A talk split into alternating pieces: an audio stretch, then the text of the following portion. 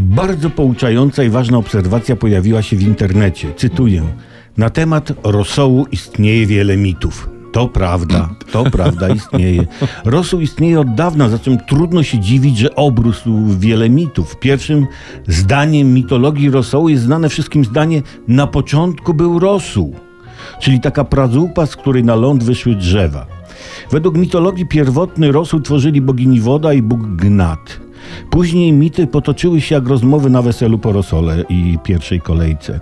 Najbardziej znane z nich to 12 rosołów Herkulesa, Następnie mit o Prometeuszu, który wykradł bogom rosół i dał ludziom, za karę musiał później karmić ptaki wątróbką.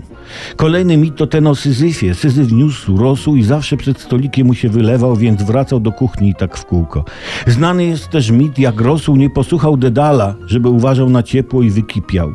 Znana jest też opowieść o tym, jak ludzie zbuntowali się przeciw Bogu i gotowali w wielkim garze rosół Babel.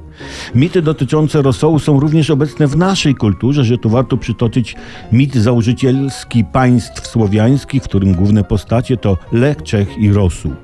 Do mitologii polskiej przeszła obrona rosołu w Częstochowie. Szwedzi, by zjeść nasz częstochowski rosół, przytargali wielką chochlę, którą na szczęście przedziurawił Kmicić i zrobił z niej cedzak, którym rosołu nie dało się nabrać. Podsumowując, należy zaznaczyć, że mitologia rosołu i mity z nim związane odgrywają ważną rolę w kulturze i światowej, i naszej.